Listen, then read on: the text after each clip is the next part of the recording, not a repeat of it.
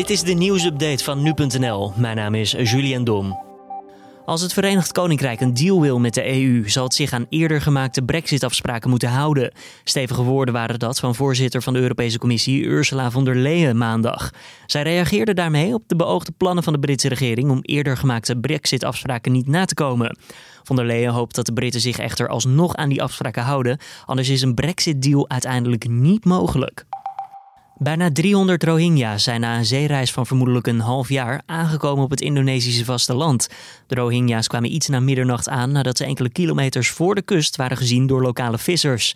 Het gaat in totaal om bijna 300 personen, al dus het Rode Kruis. De organisatie hoopt hen zo snel mogelijk onder te brengen in een evacuatiecentrum. Maar vanwege de coronapandemie heerst daarover veel onzekerheid. De Britse politie heeft een man opgepakt vanwege zijn mogelijke betrokkenheid bij vier steekpartijen in Birmingham. In de nacht van zaterdag op zondag kwam een 23-jarige man om het leven en zeven anderen raakten gewond. Twee van hen verkeren nog altijd in kritieke toestand. Na de steekpartijen sloeg de dader op de vlucht, waarna de politie een grote zoektocht startte. De toedracht van het incident is nog onduidelijk, maar de politie liet zondag tijdens een persconferentie al weten dat er geen aanleiding is om de steekpartijen te behandelen als een terroristische daad of als een incident dat gerelateerd is aan criminele bendes in het gebied.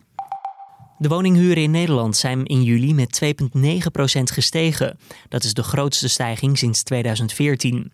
De prijsstijging doet zich vooral voor in de sociale sector. In de vrije sector stegen de huren dan wel met 3%, maar dat lag juist lager dan het jaar daarvoor.